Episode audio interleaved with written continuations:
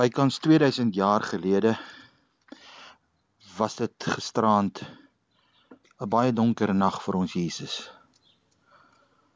Die nag wat hy verraai was, voor Kajafas gebring was en in 'n baie donker put in gegooi was. Ek het die voorreg gehad om so 3 besoeke in Israel te kon gebring het met 'n paar gemeentelede wat ons toergroepies voorbeplan het. Tydens ons eerste toer het hulle ons in daardie donker put ingevat by Kajafas die hoëpriester se huis. Dit was verskriklik. As jy aan entevrees ly, sal jy dit nie maak nie. Met baie styl trappies wat maar agterna ingesit was, het ons afgeklim tot onder Dit was soos 'n spelonk, 'n muur, vier mure, yskoue klip uitgekap. Daar was nie 'n dak nie. Dit was maar een toe donker gat. Bo in die in die gat het hulle 'n opening gehad waarin waarin die gevangenes wat hulle daarin sou wegbêre laat afsak het met toue. 'n Put. 'n donker put. Dis klam, dis koud daar. Ons het half paniek gevange geraak deur 'n groepie wat daar in daai put was. Kon dit nie hanteer nie en ek het baie vinnig daar uitgeklim. Maar Jesus moes die hele nag moes my en jou Jesus daar spandeer. Die volgende dag wat vandag is van vroeg die môre af het dit begin. 'n Ronddrukkery, 'n spiegery, 'n bekleierery, 'n vergaderinghouery, 'n demekaarspel. Uiteindelik was hy gevat geeselvloer daar toe en ons was ook daar. Dit was een van my aangrypendste ervarings wat ek nog gehad het. Jy klim 'n paar fondasies af in die ou Jerusalem stad omrede hy al so baie deur oorloë plat gevee was en dan weer herbou was. Is daar 'n hele paar fondasies waardeur gewerk moes word vir argeoloë om uiteindelik onder te kom by die Via Dolorosa, die oorspronklike een. Heel onder het hulle deur gevind en hulle het uiteindelik ontdek dat hierdie die woonkwartiere van die Romeinse soldate moes gewees het. Dit was soos 'n ou skooltjie waar die kamers reg rondom gebou is waarin hulle gebly het en in die middel was 'n vierkant. En hy was van een stuk soliede granietklip. Dis soos 'n bunker waarin ons geklim het met 'n baie lae dak. Jare daarna wanneer ons toegroepe wou neem, kon ons nie meer ingaan nie as gevolg van die feit dat hulle bang was dat die plek kon verkrummel of uit die dak kon inval. Ek weet nie of hy weer oopgemaak is of jy hom weer kan sien nie. Maar ons het die voorreg gehad om uiteindelik by daai graniet vierkant uit te kom. En daar was my hart aangegryp. Harde granietklip wat hulle genoem het die geeselvloer. Dit was in daardie vierkant as ek so vinnig moet skat so 8 by 10 meter, so 80 vierkante meter wat hy groot moes gewees het. Daar was voetjies uit die klip uitgekap aan al vier kante soos wat hulle die bloed van die gevangenes en gijslaers wat hulle aangehou het afgewas het en dan het dit afgevloei tot in die voetjies in af in die strate van die Via Dolorosa om so weggevoer te word. Hulle het vir ons op die geselvloer gewys die speletjies, die lotgooiery speletjies wat hulle gespeel het in daardie tye. Dit was maar soos hierdie kolle en kruise. Jy weet hierdie sirkel en kruis speletjie wat ons ken waar die een wat drie reguit kruise eers te kry of of of sirkels kry, hy wen. Dit was sulke tipe speletjies wat op die granietklip uitgekrap was waarin hulle sodoende die lot gegooi het. Die een wat eerste die reguit lyn kry, uiteindelik die prys kon kry waaroor hulle almal gestry het. Dit moes op hierdie geselvloer gewees het. Dink u dit in waar die Romeinse soldate dis hulle woonkwartier mense. Dis geharde heidense geharde soldate. Poolsmoors gevangenis moes 'n kinderpartytjie gewees het. As jy dit net kon indink wat daar moes plaasgevind het in 'n woonkwartier waar 'n gevangene aangehou was. Hy was daar rondgepluk en rondgegooi. En ek dink die Passion rolprent van Mel Gibson gee vir ons nogal 'n gruisame beeld. Daar was hy geslaan en die beeld in die film is baie naby aan die grootte van die vierkant wat u daar sien.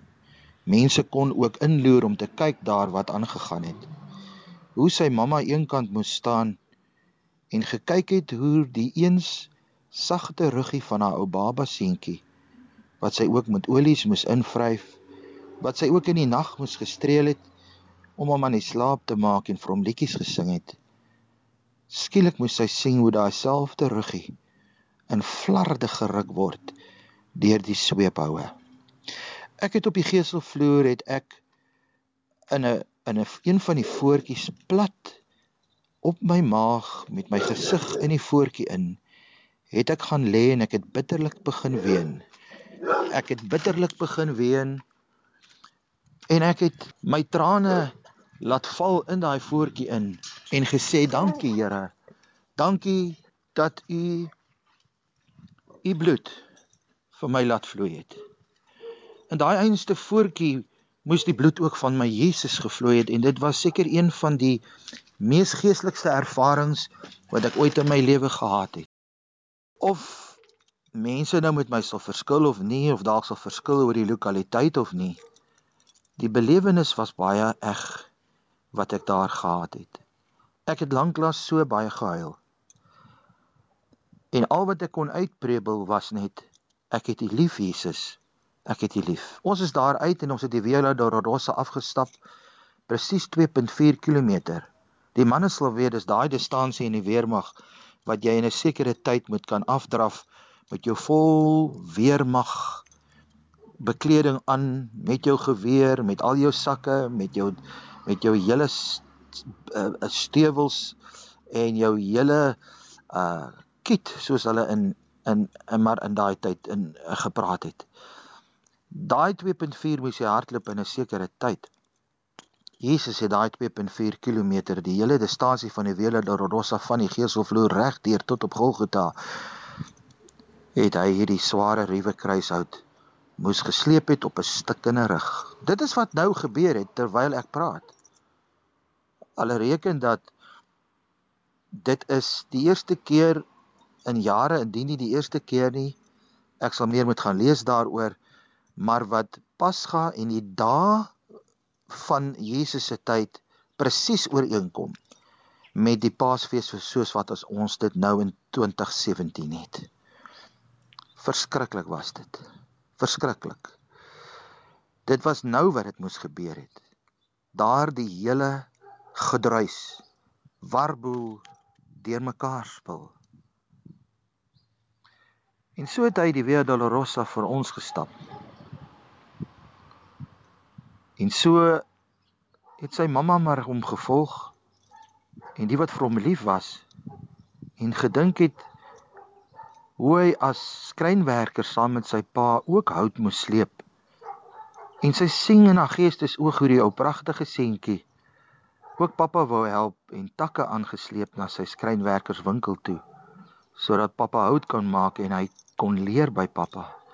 Maar skielik sien sy hierdie swaar, ruwe, swaar hout wat eintlik te swaar is met 'n bebloede liggaam.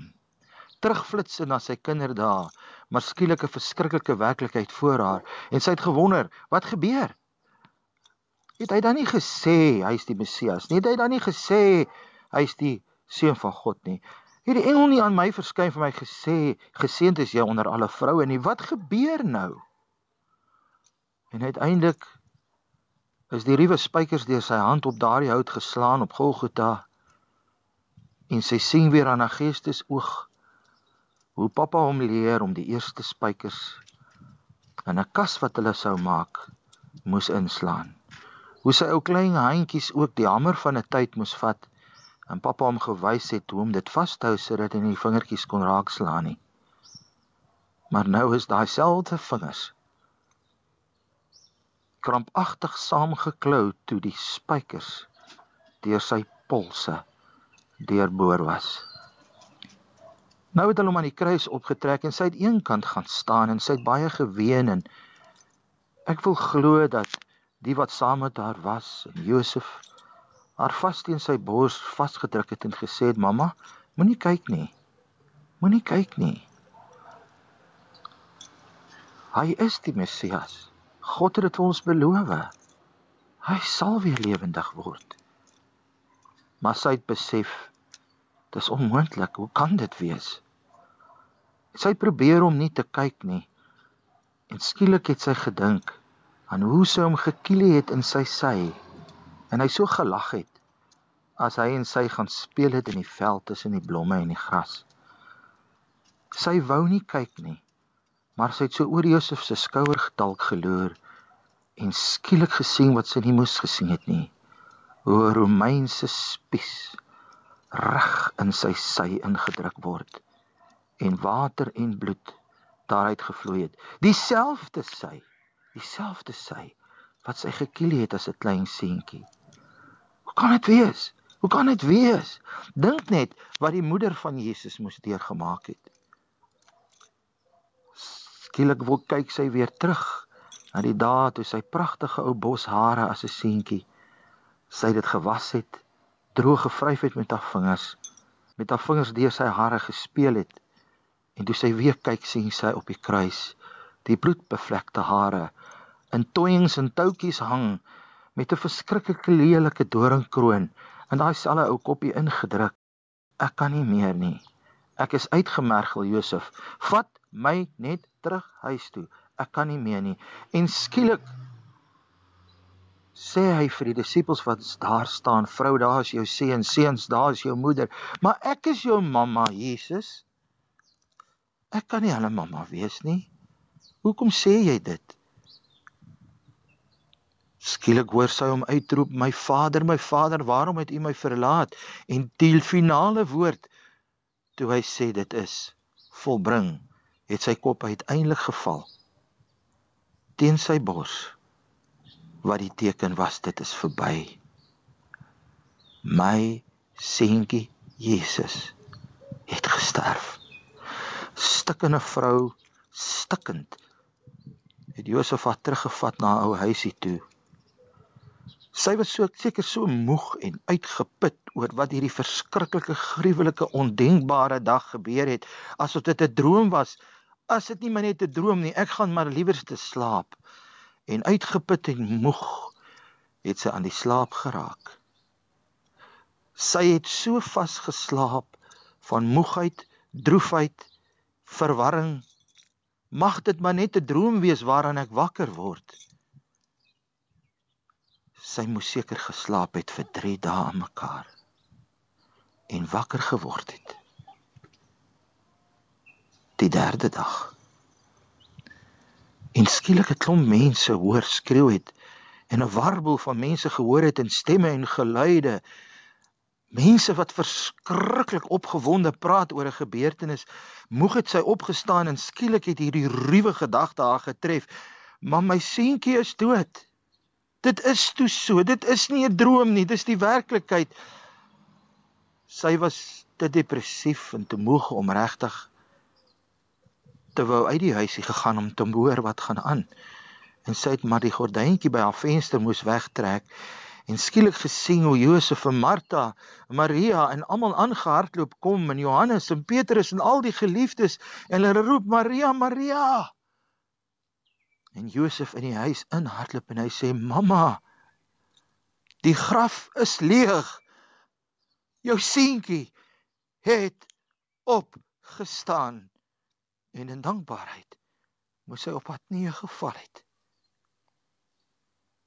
en gesê het u is die een wat sou kom. Waarlik ek is die enigste vrou onder baie vroue wat waarlik die opgestane en verreëse Christus groot gemaak het.